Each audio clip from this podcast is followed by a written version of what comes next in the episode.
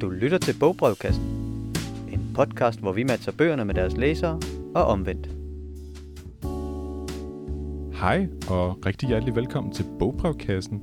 Det er Patrick, der taler. Jeg er litteraturformidler på Lyngby Bibliotek, og med mig i podcasten, der har jeg Henrik. Ja, jeg er også litteraturformidler her på biblioteket. Velkommen til dig. Tak. Og Emilie. Ja, hej. Jeg er også litteraturformidler her på Lyngby Bibliotek. Og velkommen til dig. Tak. Og velkommen til dig, kære lytter, til noget, man må kalde en særudgave af Bogbrevkassen. Fordi i den her udgave, der har vi ikke et læserbrev, vi lægger os op af. Vi har i stedet valgt, os, valgt at lægge os op af det, der hedder Videnskabsåret 22, som er et samarbejde mellem Niels Bohr Instituttet og Danmarks Biblioteker, som handler om mange ting, men for os der handler det meget om, og hvordan man beskriver verden. Det er det, vi har taget udgangspunkt i. Og vi vil rigtig gerne snakke om bøger, der beskriver verden. Så vi har taget en kæmpe stak bøger med. Jeg indtager sådan lidt en pseudo-værtsrolle. Jeg har også selv nogle bøger med, men ikke lige så mange med som jer to.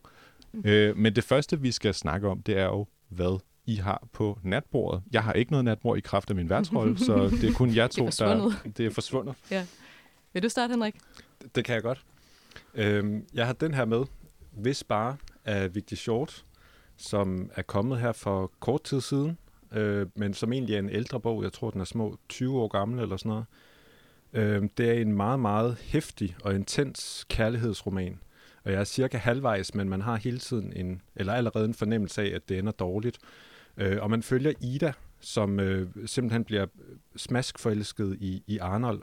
Og de har begge familie og, og børn hver for sig, men hun får simpelthen bare den her kæmpe forelskelse i ham, og næsten sådan lidt uafhængigt af, hvordan han er som person. Det er nærmest bare som om, han bliver et sådan tilfældigt objekt for, den, for et eller andet sådan kæmpe længsel, hun har efter kærlighed.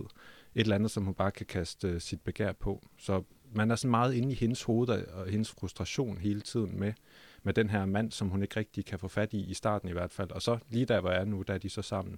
Men man har en følelse af, at det, det ender dårligt, så den er meget god og intens. Og uafklaret for dit vedkommende. Du har Ja. ikke, øh, du har ikke læst den til ende endnu? Nej. Nej. Mm. Spændende. Ja. Og hvad har du liggende på natbordet, Emilie? Ja, men altså, jeg har taget en bog med, nu tager jeg den lige frem her, øhm, som egentlig passer ret godt til vores tema, øhm, men den er desværre ikke oversat til dansk endnu, så jeg selvfølgelig ikke rigtig, at jeg kunne sådan tage den med som en ægte anbefaling. Øhm, men det er en bog, der hedder Braiding Sweetgrass, øhm, som jo sådan er flette noget græs, der hedder Sweetgrass.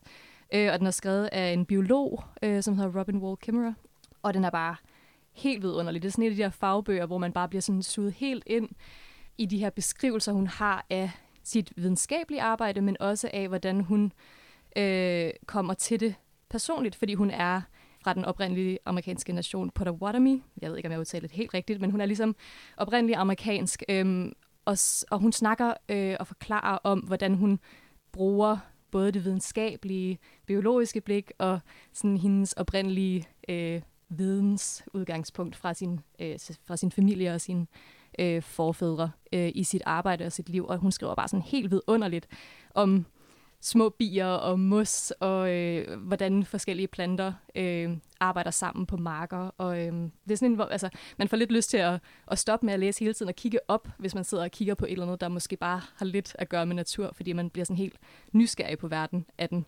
Den er virkelig en, en stor anbefaling, anbefaling værdig, og øh, jeg håber virkelig, den bliver oversat snart. Så ja. Det er vist det største kompliment, man kan give til sådan en bog. At den får, giver en lyst til at, mm. Mm. at kigge ud mod verden. Ja, men igen. det er virkelig, øh, den, jeg læser den langsomt, fordi jeg gerne vil nyde den. Ja. Så det, ja, det vil jeg bare opfordre andre til at gøre også.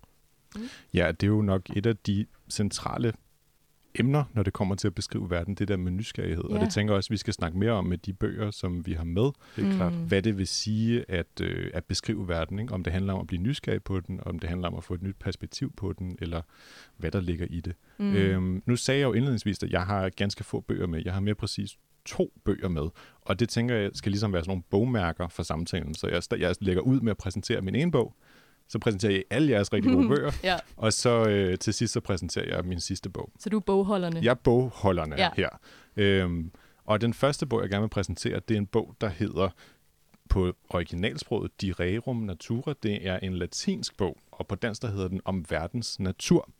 Og den er skrevet af en romer, der hedder Lucrets på dansk. Og det har altid forvirret mig meget, det der med, mm. at de hedder noget andet på dansk, end de hedder på engelsk. Fordi på engelsk hedder han Lucretius, men han hedder altså Lucrets på dansk. Og man ved ikke specielt meget om ham her, romeren. Han har levet i århundredet før øh, Jesu fødsel, øh, og han har måske kendt nogle vigtige personer i romeriet. Han har måske været af adelsslægt, det er mere eller mindre det. Men det, man ved om den her bog, det er, at den har været uhyre vigtig for åndshistorien og idehistorien i Europa. Det er en bog, der handler om at beskrive verden filosofisk. Og jeg tror faktisk nok, at man på det tidspunkt vil sige, at selvom det er skrevet i versform, så er det en slags videnskabelig fremstilling. Altså, når jeg tænker på den her bog, så tænker jeg på øh, sådan nogle 1700-1800-tals malerier i, øh, i Wien eller i øh, det Habsburgske rige generelt, sådan, med en stor malerisk beskrivelse af, hvordan universet og verden ser ud. Altså, det er, sådan, mm. det er en smuk fremstilling af noget videnskab, men det er videnskab, tænker man på det tidspunkt. Og det lyder måske sådan utrolig utilnærmeligt alt det her. Øhm, men det, der er kernen i den her bog om verdens natur, det er, at det er Lucrets forsøg på at fremstille en græsk filosofi, der hedder epikureisme, uh. som stammer fra den græske filosof Epikur, som skrev et værk i 37 bind, tror jeg nok det var, som ikke findes længere. Det er mm. fuldstændig væk, og man vil slet ikke kende til hans filosofi, hvis ikke det var for den her bog. Og noget af det, der er særlig interessant ved den her bog, det er, at det for eksempel er herfra, at man har populariseret ideen om, at verden er opbygget af atomer. Det har været en meget, meget stor kilde til sådan den meget tidlige teori om, at verden er opbygget af små øh, atomare dele. Og det er også en stor kilde til tidlig ateisme, fordi en af principperne i den her øh, øh, filosofi, det er, at guderne findes, men de er ligeglade med os. Mm. De indgriber ikke i vores tilværelse, øh, og de har ikke nogen effekt på, øh, hvordan vi fører vores liv. Så selvom der stadig er en grad af overtro, eller hvad skal man sige, deisme, så er det jo et forsøg på at trække verdensopfattelsen i en mere videnskabelig retning, og det er vildt spændende. Mm. Og så er det også af alle de her grunde, fordi det er ligesom videnskab, der handler om vores liv, så er det også noget, der taler meget til eksistentielle temaer. Og for ligesom at forklare det, så vil jeg gerne læse noget op fra bogen. Jeg kommer til at læse op fra to steder i tredje bog. Jeg starter her. Nogle vil dø for en statue eller et hederfuldt tilnavn. Ja, det sker endda tit, at på grund af redsel for døden gribes nogen så voldsomt af had til livet og lyset, at de med sovtynget hjerte frivilligt vælger sig døden. Alt mens de glemmer, at dødsfrygt var kilden til al deres kummer, at det er den, der gør æresbegreber til intet og bryder venskabsbånd. Ja, den hvis råd kaster frag på alt helligt. Man har jo set så tit, at de svigter land og forældre i deres stræben efter at undgå Acherons rige. De som børn far sammen og frygter for alting i mørke – sådan kan vi blive bange i strålende sollys til tider for, hvad der ikke er større grund til at frygte, end det, som børn i mørket skælver for, og frygter skal komme. Det lyder jo ikke specielt videnskabeligt. Nej, det er meget smukt. Det er meget smukt, og ja. det er også meget øh, menneskeligt. Mm. Men det er ligesom alt sammen et led i den her verdensopfattelse. Og så slutter jeg af her med øh, en beskrivelse af døden, som handler om, at vi ligesom består af atomer, men sjælen består også af atomer, hvilket vil sige, at sjælen ophører med at eksistere på et tidspunkt. Selvom den findes, så stopper den med at findes. Og det lyder sådan her. Der er behov for grundstof, når fremtidsslægter skal vokse. Dog vil, det, dog vil det gå dem som dig, når hver enkelts liv er til ende. Som du signer nu, at de signet før og vil signe herefter. Således bliver der det ene bestandigt til af det andet. Ingen får livet i eje ved køb, vi har lånt det med brugsret. Og det, jeg synes er spændende ved det her, det er, at det jo handler om, at den måde, man ser verden på rent videnskabeligt, også har noget at gøre med, hvordan vi ser os selv. Mm. Og det mm. tænker jeg også er noget, vi kommer til at komme ind på i jeres bøger, som vi jo skal til nu. Ja, hvad siger du, Henrik? Nej, jeg, altså jeg sidder bare sådan og, og tænker lidt over, når du snakker om det her med, det, med det videnskabelige, og, eller sådan, at den har det her meget øh, poetiske sprog, at jeg tænker, det har jo været meget mere normalt dengang eller dengang har der jo været meget større tradition for, at man i forsøget på at forstå verden har gjort meget mere brug af poesi og lignelser og, og alt sådan noget. Eller sådan, det var meget sjovt, man kan jo sådan stille op med de klassiske filosofer med Platon og Aristoteles. Og der er der jo allerede sådan lidt nogle af de tråde, som sådan går igen, fordi at Aristoteles, han er sådan den mere klassiske videnskabsmand, som vi mere kender det i dag, der sådan har inddelinger og siger, jamen, så har vi den her kategori og den her videnskab, som handler om det der. Og så er der Platon, som bare er nogle mænd, der snakker sammen og har nogle sjove lignelser, som skal forklare nogle ting og sådan noget. Mm. Så det, det er jo sådan nogle sjove bånd, der har, der har løbet lidt igennem historien. Men at, at begge ting også kan noget. Eller sådan ikke, ja, at det ikke grad. nødvendigvis handler om at sige rigtigt eller forkert.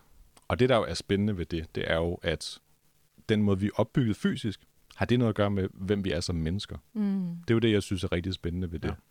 Ja. Øhm, som jeg tænker, vi også kommer til at komme ind på i nogle af jeres bøger. Mm. Og nu er det jo, øh, nu sidder verden med pistolen, og mm. pistolen mm. peger på dig, Emilie. På mig. Ja. Det er mig, der start, øh, Lad os starter dit ud her. første bog. Ja, øh, af de mange bøger. Altså, det er ikke, fordi jeg har så utrolig mange flere bøger end dig, Patrick. Øhm, men øh, den forfatter, eller det værk, jeg gerne vil starte med, er øh, igen, jeg starter på en meget sådan begejstret note i dag, øh, fordi det er også en af mine øh, personlige favoritter. Øh, for jeg tænkte, vi skal snakke om videnskab, så altså det første, jeg tænkte på, var bare sådan historier om sådan gale, geniale videnskabsfolk, der står med sådan altså hår, der stikker ud til alle sider og laver vilde eksperimenter i deres, øh, deres laboratorier i virkeligheden. Og det er ikke så meget det, den her handler om, men det var i hvert fald den øh, stiger på en måde følte, fulgte, da jeg skulle, da jeg skulle vælge bøger. Øhm, hende, jeg gerne lige vil drage frem her først, er en amerikansk forfatter, der hedder øh, Ursula, eller Ursula K. Le Guin. Hun øh, er, sådan, er i gang med at blive oversat rigtig meget til dansk i, i de her år, og sådan, altså, oplever sådan en ret stor øh, popularitet. Og hun er først og fremmest øh, sådan science fiction forfatter, har skrevet rigtig mange øh, romaner, øh, også fantasy, men sådan, øh, og science fiction, det er jo videnskabsfiktion i virkeligheden, ikke? Altså sådan, det er jo øh, på en eller anden måde en, en udforskning af, øh, når, hvis vi tager det her spor ned af den her spekulative videnskabsvej, eller det her spekulative videnskabsunivers, hvad sker der så? Så ja, øh, det føles rigtig meget som at læse over skulderen på en, der sådan er i gang med at opdage verden på ny, når man læser Le Guin. Fordi hun tit skriver sådan om nye verdener. Øh, ofte har hun faktisk øh, karakterer, som er antropologer på en ny planet, for eksempel. I den, der hedder Mørkets Venstre Hånd, mener jeg blandt andet. Men den, jeg gerne vil snakke om i dag, det er sådan en lille bitte novelle, øh, som hedder Syr, øh, som altså staves S-U-R, men det er jo så syd på spansk. Og det er sådan en øh, lille novelle, som øh, handler om det, øh, handler om en opdagelsesekspedition til Antarktis. Og det er sådan en kontrafaktisk historie, så det vil sige, at det ligesom går imod øh, den faktiske historie, vi kender til, hvor det jo var Amundsen, der nåede til Sydpolen først. Men den her øh, novelle, den siger så, nej, faktisk før Amundsen, så kom der den her, øh, det her lille kollektiv af sydamerikanske kvinder, som dragede til Sydpolen og ligesom tog hele vejen ned til sydspidsen og egentlig opdagede den i gåseøjne.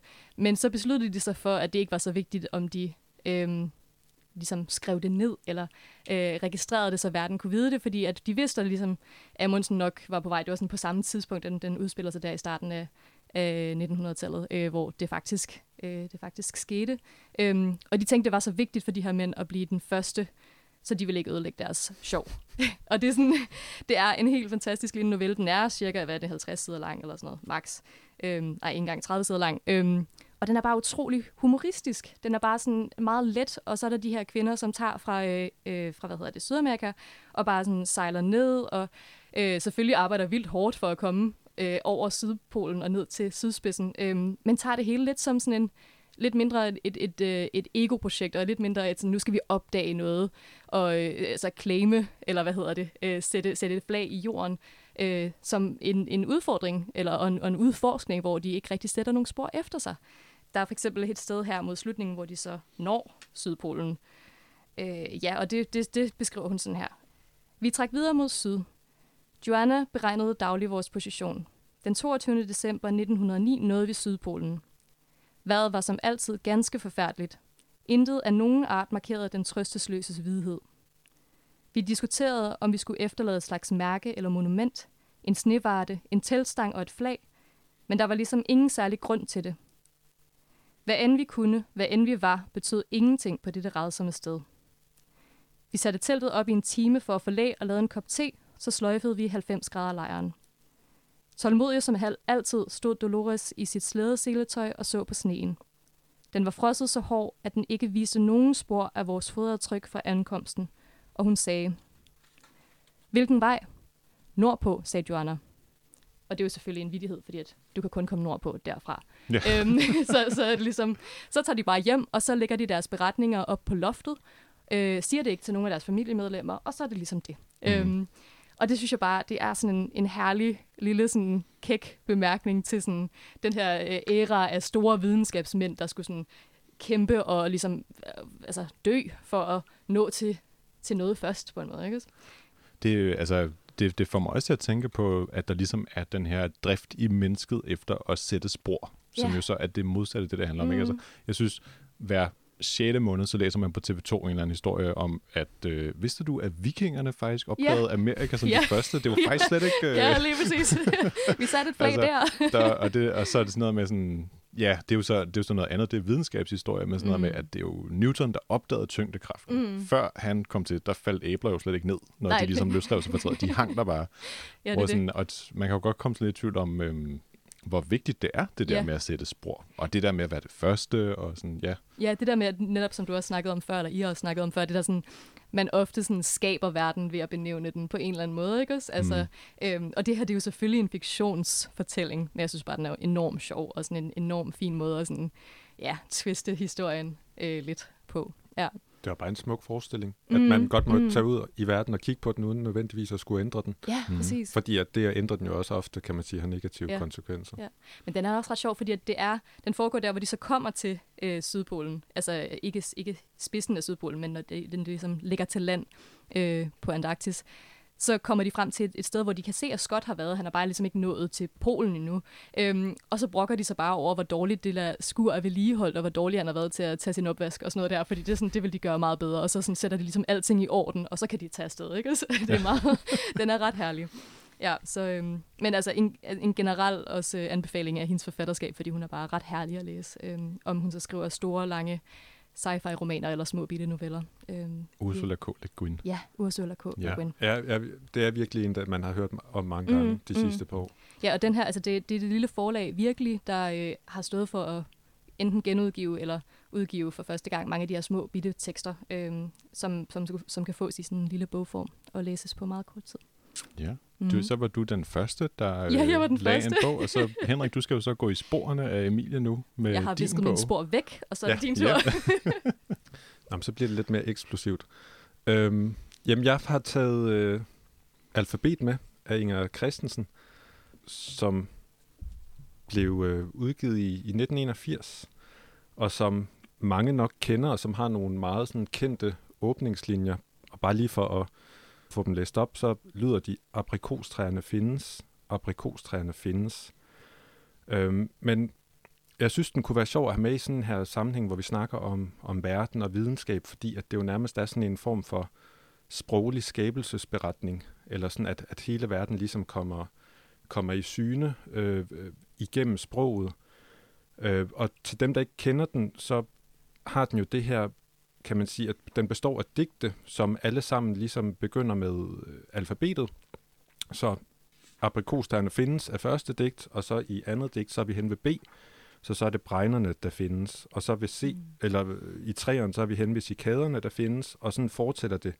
Men det følger ikke bare øh, alfabetet, det følger jo også øh, den her talrække af, af den øh, italienske matematiker Fibonacci, hvor at man hele tiden lægger et tal sammen med de to foregående, sådan så at første øh, digt har en linje, andet digt har to linjer, og så kombinerer man så øh, de to til næste, som så har tre, og så kombinerer man de to forrige til den næste, hvor der så lige pludselig er fem, og så begynder der at komme det der skred, og så den næste, den har 8, og så har den næste 13, og så lige pludselig så begynder der bare at være sådan en eksponentialitet i, i, hvor, i hvor mange sætninger der er i hvert digt. Så lige pludselig så ender det så med, at, at man faktisk slet ikke tæller linjer til den sidste, der tæller man sider, fordi at det sidste digt, det så er sådan, ja, 20 sider eller sådan noget.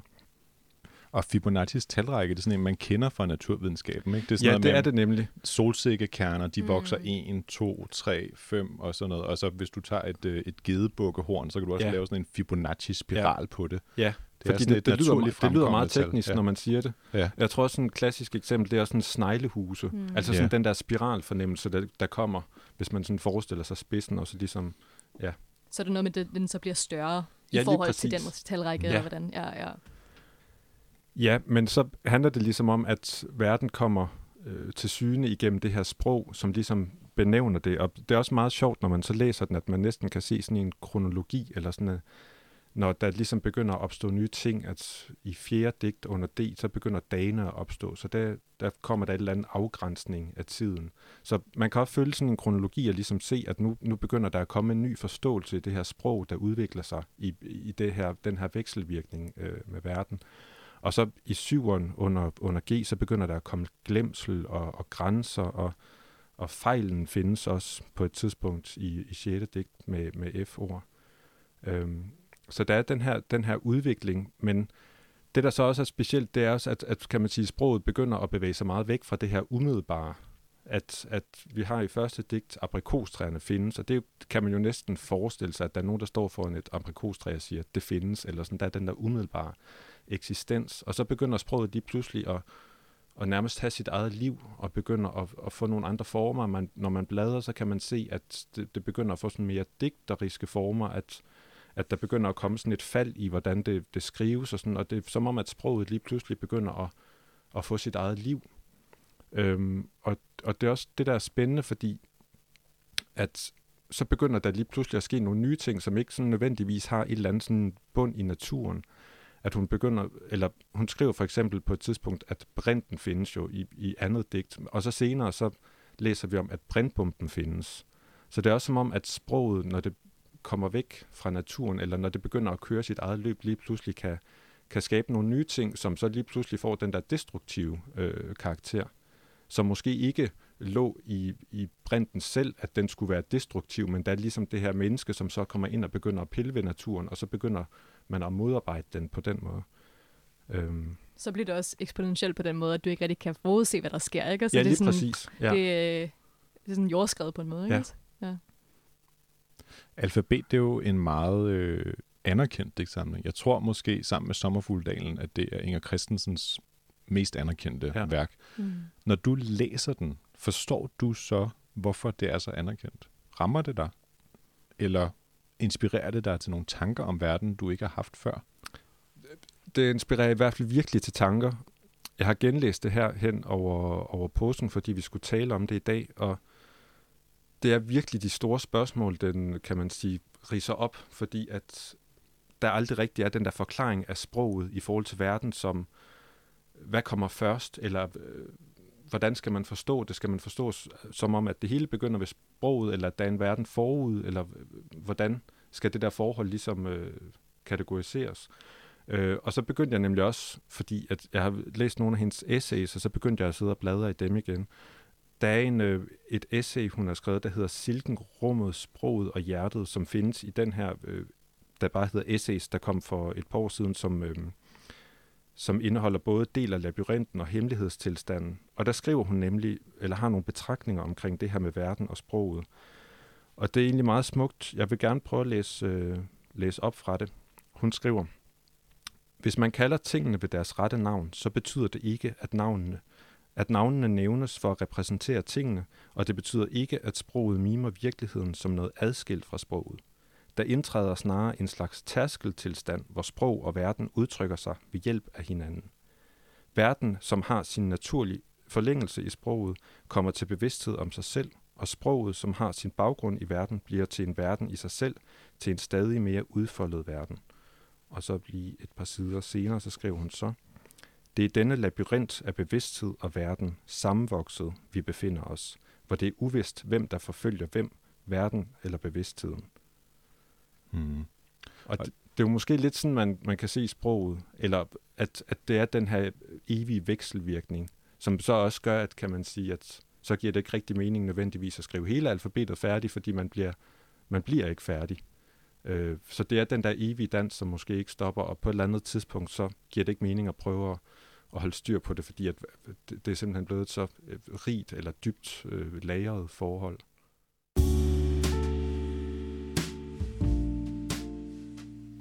Jeg tænker på, om vi skal tage din øh, næste bog, ja, Emilie. det kan vi i hvert fald godt. Øhm, ja, øh, vi bliver i øh, danske forfattere i virkeligheden, men øh, hopper lidt længere fremad til nutiden. Øhm, fordi jeg vil gerne lige øh, jeg vil gerne nævne øh, den lidt yngre forfatter, Amelie Schmidt, øh, som er både forfatter og billedkunstner. Øhm, øh, og, altså en ret multitalent-agtig type. Øh, hendes nyeste bog er en, der hedder Threadripper, som jo er en engelsk titel, men det er en dansk bog, og titlen kommer fra, at der findes sådan en computer inde i den her bog, som simpelthen bare hedder Threadripper. Det er ligesom dens, øh, det, det, det navn, den har fået fra fabrikanten. Øhm, og det her, den her bog, den er utrolig speciel og utrolig nørdet. Altså jeg synes generelt, når jeg læste Amanda Smith, så er hun sådan en type, der virker til at blive helt vildt optaget af for eksempel et spørgsmål, som egentlig har en lidt videnskabelig karakter, og så skriver hun rundt om det, øhm, og bruger også det visuelle helt vildt meget. Øhm, det er sådan en øh, bog, der er opbygget ret specielt. Øhm, på venstre side af hvert opslag, så kører der et tekstspor, som er sådan øh, lidt personligt. Det er sådan, der er en jeg-fortæller, som går rundt og tænker lidt på kærlighed og på livet og alt muligt. Og så på højre side af hver opslag er der en helt anden øh, fortælling, øh, eller et helt andet spor, som handler ret meget om videnskab, og den handler om, øh, den tager udgangspunkt i øh, Penelope, øh, altså, øh, hvad hedder det, Odysseus kone, som sidder og væver hjemme på, åh, hvad hedder den der ø, Ithaka, kan det ikke passe? Jo, det kan godt jo, passe, ja. øh, helt der tilbage i oldtiden. Og så øh, tager Amalie Schmidt så den her væv og billedet af væven op øh, gennem historien, øh, hopper frem til industrialiseringen, hvor der begyndte at være sådan nogle hulkort, som ligesom gjorde vævningen af mønstre meget nemmere. Øh, og så forklarer hun, hvordan det hulkort på en måde var startskud til, at computere blev, altså man overhovedet kom til at tænke på ideen om en computer, altså noget, der kan lagre data. Og så hopper hun videre til at uh, altså virkelig tage fat i øh, den her figur, der hedder Ada Lovelace, som øh, var en del af den udvikling. Hun øh, var datter af Lord Byron, digteren. Øh, Øh, og selvfølgelig havde hun også en mor, jeg kan bare ikke lige huske, hvad hun hedder. Det beklager jeg. Øhm, men i hvert fald så øh, Ada Lovelace, hun, øh, øh, hun, hun fik fat i et, et dokument, som øh, ham, som egentlig opfandt i går så den første computer, som selvfølgelig aldrig blev lavet. Men ham, der udtænkte den første computer, hedder Charles Babbage og et dokument, han havde skrevet om den her idé, fik hun så i hænderne. Og så blev hun helt optaget af det her, øh, den her idé, og skrev sådan et noteapparat til den her øh, første det her første dokument om, om computeren, som bare var langt mere udarbejdet end det originale i virkeligheden, og sådan tænkte meget længere i forhold til, hvad det kunne, det her med at, at lave en maskine, der kunne, kunne generere data. Og så øh, er det her bare en bog, der sådan på, den, på en eller anden måde væver de her spor sammen, øhm, meget sådan trådagtigt og meget materialistisk, øhm, og snakker om, hvordan møl øh, rejste fra Asien og ind i Europa og satte sig i, tøj, og så hvordan øh, senere i historien, der var nogle møl, der fløj ind i nogle af de første harddisks på nogle af de her sådan store, store computere, der fandtes i 1950'erne, 60'erne. Det er bare sådan en, igen, en meget nysgerrig bog. En meget nørdet og meget nysgerrig bog, som på en måde bare virkelig sådan graver i sammenhængen mellem computer og vævningens historie, og trækker det frem til i dag, og trækker det tilbage til Penelope i oldtiden. Det var virkelig en, øh, mm. en spændende læseoplevelse også. Og det er jo så skønlitteratur. Mm, ja. ja. Øhm, og hvad er så din oplevelse, når du læser det? Altså, hvad, hvad, hvordan oplever du så det skønlitterære element, mm. eller det kunstneriske element, skal man måske sige? Fordi det, du snakker om der, det er jo interesse for, for videnskabshistorie. Mm. Hvad, hvordan er din oplevelse af, ja. af det ekstra lag? Ja, altså det er lidt, at, øh, at det bliver vævet sammen til sådan et tæppe, hvor man oplever det gennem det her jeg, som på en måde, og jeget øh, er jeg selv i gang med et kunstnerisk projekt med en væv og så videre, men øh, det er jeget, der går og tænker over de her ting, og det føles meget som at komme ind i hovedet på en, og ligesom følge sådan en tankerække, og man kan næsten se den her person sidde og google sig frem til alle de her øh, særlige ting, og sådan altså det er jeget, der på en måde knytter alle de her ting til hinanden, synes jeg. Så det er mm. ikke bare en følelse af at læse et Wikipedia-opslag. Det er sådan en, det er det her, øh, altså jeg-personen, der bliver helt optaget af for eksempel Ada Lovelace, og sådan, øh, ja, kan ikke lade være med at tænke på hende, øh, og hvordan hun har siddet der i 1800-tallet og tænkt en computer frem og sådan noget. Så, øh, så det er den her særlige måde at knytte alle de her forskellige ting, som man ikke tænker var øh, sammenhængende måske, øh, som læser, ikke også? Øh, ja. ja. Det kan jo godt være sådan et menneske, man nogle gange mangler i sit liv. Ikke? Mm. Fordi jeg har tit tænkt, jeg gad godt rigtig vide rigtig meget om fysik, ja. fordi at øh, jeg har set sådan nogle YouTube-videoer med en fysiker, der hedder Richard Feynman, mm. hvor han taler super entusiastisk om fysik. Og så tænker jeg, så låner jeg lige hans bøger. Men sådan, der er noget med den der menneskelige ja. Introduktion til det, og sådan det der øh, medmenneskelige, ja, det er det forkerte ord at bruge medmenneskelighed, men sådan det selskabet, ikke? Ja. det menneskelige selskab i, at man dykker ned i noget videnskabeligt, kan gøre utrolig meget for ens interesse, synes jeg. Fuldstændig. Og der, Ja. der føler man virkelig, at Amalie Schmidt øh, som forfatter bare ligesom åbner det op for en på en helt vildt fed måde. Øhm, ja, jeg ved ikke om, øh, skal jeg lige læse et, et lille stykke op?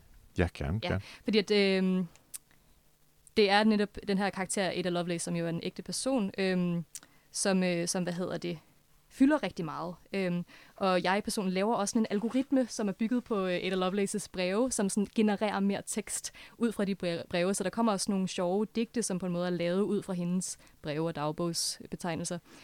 Øh, det jeg lige ville finde var, at øh, der er et sted, hvor øh, jeg forestiller sig øh, Ada som sådan en genial og fuldstændig besat videnskabsperson på en måde, som, øh, som er helt sådan øh, inde i sit eget øh, videnskabelige univers. Øhm, hun skriver her. Jeg forestiller mig Ada ved skrivepulten i sommeren 1943. En kølig sommer. Gardinerne i hendes arbejdsværelse er trukket for. Hun er fuldstændig opslugt af noterne. Hun sover ikke, hun spiser ikke. Hun bruger al sin energi på at forstå, hvad en mekanisk regnemaskine kan udrette i denne verden. Hun skriver med blyant. Ved at gøre det muligt for maskinen at kombinere et ubegrænset antal generelle symboler i ubegrænsede variationer, skabes et forbindelsesled mellem materiens bevægelser og de abstrakte mentale processer i den mest abstrakte gren af det matematiske videnskab. Jeg tror, at det, det er dette forbindelsesled, der driver hende. Hendes noter vokser så dobbelt så lange som den tekst, hun skulle oversætte. Selvom hun på det tidspunkt har født tre børn, kalder hun noterne for sin første fødte.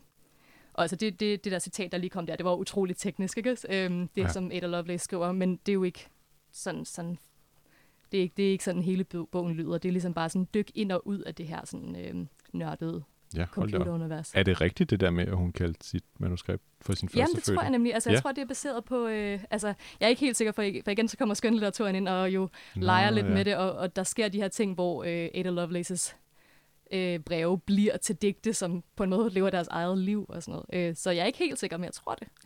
Ja. Mm, ja. Ja. Mm. Nå, Henrik, øh, din næste bog. Ja, jamen øh, så vil jeg tale om, øh, om en lidt særlig bog. Den hedder, øh, ikke fordi at nogen af de andre har været normal, øh, en bog, der hedder Figuring af en amerikansk øh, forfatter, der hedder Maria Popova. En, øh, en videnskabsjournalist, øh, journalist, kan man kalde hende, som, som har en hjemmeside, hvor hun skriver om alt muligt mellem himmel og jord. Men hun har så også skrevet den her bog, som øh, af sådan en særlig form for, for multibiografi, kunne man næsten kalde det, øh, hvor, hun, hvor hun skriver om nogle øh, videnskabsfolk og kunstnere. Og øh, hun skriver særligt om, om nogle kvinder, og øh, har valgt nogen, som, som man måske ikke taler særlig meget om i dag, eller som måske har haft en lidt perifær øh, betydning i, i historien, eller dem, hun, hun skriver også om nogen, som, som er lidt mere kendte, men som måske øh, først er blevet kendte i deres øh, eftertid.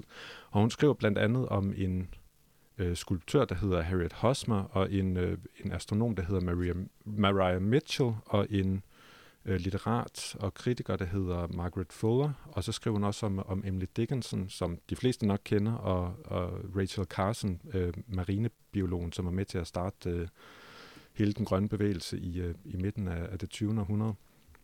Øh, men det er en utrolig smuk biografi, fordi at, at det, hun ligesom prøver at vise, det er øh, den her, kan man sige, søgen i, i verden, som hun ligesom ser både i videnskaben og i kunsten.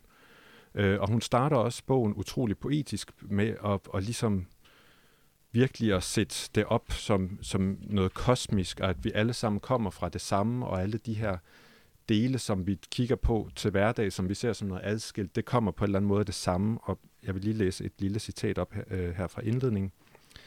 So much of the beauty, so much of what propels our pursuit of truth stems from the invisible connections between ideas, between disciplines, between the denizens of a particular time and a particular place, between the interior world of each pioneer and the mark they leave on the cave walls of culture, between faint fig- figures who pass, pass each other in the nocturne before the torchlight of a revolution lights the new day, with little more than a half knot of kinship and a match to change hands.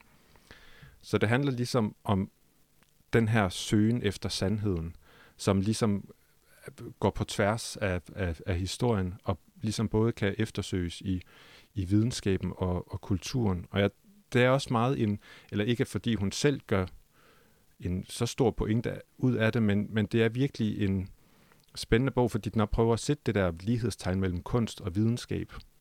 Fordi vi tænker kunsten som noget opdigtet, og videnskaben som noget, der, der ligesom øh, er adskilt fra alt andet, som, hvor man udelukkende observerer. Men hun beskriver de her menneskeliv og øh, er inde i de her liv, hvor at, at videnskaben og kunsten hele tiden er, er blandet sammen med kærlighedsforhold og længsler og hvor de bor, og hvem de er ja, forelskede i, og, og kan man sige alle mulige andre ting, som ligesom er med til at farve. Der er en sjov historie med, at, at Margaret Fuller for eksempel har været med til at inspirere øh, Elizabeth Barrett øh, Brownings bog Aurora Lee, som er sådan en øh, sådan et langt episk digt. Øh, så der er ligesom en, en litterat, som har øh, inspireret et, et værk, som så igen har inspireret Mar- øh, Mariah Mitchell, som så er astronom. Så der er mm. også alle mulige sådan, vekselvirkninger mellem kunsten og videnskaben, og det handler også meget om, om de her videnskabsfolk, som eftersøger naturen, fordi de lige præcis ser en eller anden skønhed i den. At det også handler om, at, at skønheden i naturen gør, at man får lysten til at dykke dybere ned i den. Hvad er det for en læseoplevelse? Er det sådan en, en meget klog bog, eller er det sådan en meget sansende bog, eller hvor, hvor er vi sådan henne, når man læser den? Altså man får faktisk meget den der sådan kosmiske følelse, fordi at, at måden hun skriver på, når hun hele tiden inkorporerer ting, som, som folk er blevet inspireret af, og, og deres kærlighedsforhold, så får man den der følelse af, at man er en del af noget større. Så det er, hvad den kosmiske følelse ja. er? Ja, ja, ja. Sådan en stor... Ja. Ja. Fordi at, at, at, at alle de folk, som hun skriver om hele tiden, øh, kan man sige, får alle mulige tråde ind i deres liv, som inspirerer dem, eller som får dem i bestemte retninger og giver dem bestemte indsigter. Og, så man får, man får bare sådan en lidt sidrende følelse af, at livet er større end sådan det, det umiddelbare lige foran en.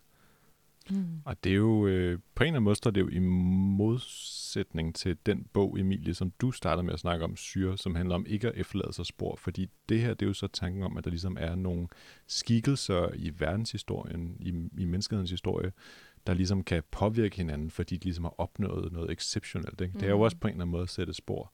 Øhm, hvis vi er færdige med den, øhm, så tror jeg faktisk, at det er den perfekte indgang til min sidste bog, som så kan lukke samtalen ned. Og det er jo ikke noget, vi har planlagt øh, i, på forhånd, det her. Det er bare sådan en, et, noget smukt, der lige sket her i øjeblikket. Mm. Fordi den sidste bog, jeg gerne vil snakke om, og som lukker podcasten ned, det er øh, den italienske fysiker Carlo Rovellis bog Syv små forelæsninger om fysik. Jeg startede med at snakke om en poet, der skriver om naturvidenskab. Nu snakker jeg om en naturvidenskabsmand, der skriver ret poetisk, mm. og det er mm. derfor, den her bog den er blevet så populær, som den er. Det er virkelig en bestseller, det her. Den er under 100 sider lang, og er ligesom hans øh, lægmands beskrivelse af, hvor fysikken er lige nu. Og det jeg siger lægmand i øh, astronomiske gåsetegn, fordi jeg skal love for, at det også bliver avanceret en gang imellem. Men grund til, at jeg har taget den her med, det er, fordi han slutter af med at snakke om Lukrets, som var den første bog, jeg snakkede om. Og jeg læser op fra slutningen her, og det er tre sider, så det kan godt være, at det er lidt en lang oplæsning, men jeg synes, det er rigtig fint. Ligesom hver enkelt af os kan gå sin egen død i møde med forskellige grader af sjælefred og værdighed, vil vi gå vores civilisations sammenbrud i møde. Der er ikke den store forskel. Og det bliver på ingen måde den første civilisation, der bryder sammen. Majaerne og kreten- kretenenserne har allerede oplevet det. Vi fødes og vi dør, ligesom stjernerne fødes og dør, individuelt såvel som kollektivt. Det er vores virkelighed. Netop på grund af sin flygtige natur er livet dyrebart for os. For som Lukret skriver, altid spærer vi gabet op. Vi er livstørstens fanger. Vi er til alle sider omgivet af denne natur, der har skabt os og bager os, men vi er ikke hjemløse væsener, der svæver mellem to verdener og kun delvis hører til naturen og længes efter noget andet. Nej, vi er hjemme. Naturen er vores hjem, og vi er hjemme i naturen. Denne mærkelige, spraglede og forbløffende verden, som vi udforsker, hvor rummet opløses i korn, hvor tiden ikke eksisterer, og hvor tingene ikke kan være noget sted, er ikke noget, der fjerner os fra os selv. Det er blot det, som vores naturlige nysgerrighed viser os af vores hjem. Er det stof, vi selv er gjort af? Vi består af det samme stjernestøv, som tingene består af, og både når vi opslugt af smerte, og når vi ler og glæden stråler, er vi blot det, som vi nødvendigvis må være. en del af vores verden. Lukrets udtrykker det vidunderligt smukt. Af himlen er vi alle oprundet. Alle har den som far. Moder jord, som livsnærer alting, undfanger, når hun har modtaget regnens perlende dråber. Det synes jeg er et fint sted at stoppe podcasten. Meget. Det knytter mange ting sammen. Ja, det knytter rigtig mange ting sammen, Mm. og det var slet ikke planlagt. Mm. Men så takker vi for denne gang. Øh, du har lyttet til Bogbragkassen. Jeg håber, at du har fået noget læseinspiration. Hvis du har et øh, spørgsmål til os, så kan du altid skrive til infosnabelagltk.dk, så tager vi et spørgsmål op i Bogbragkassen. Jeg siger tak for nu. Tak for nu. Tak for nu.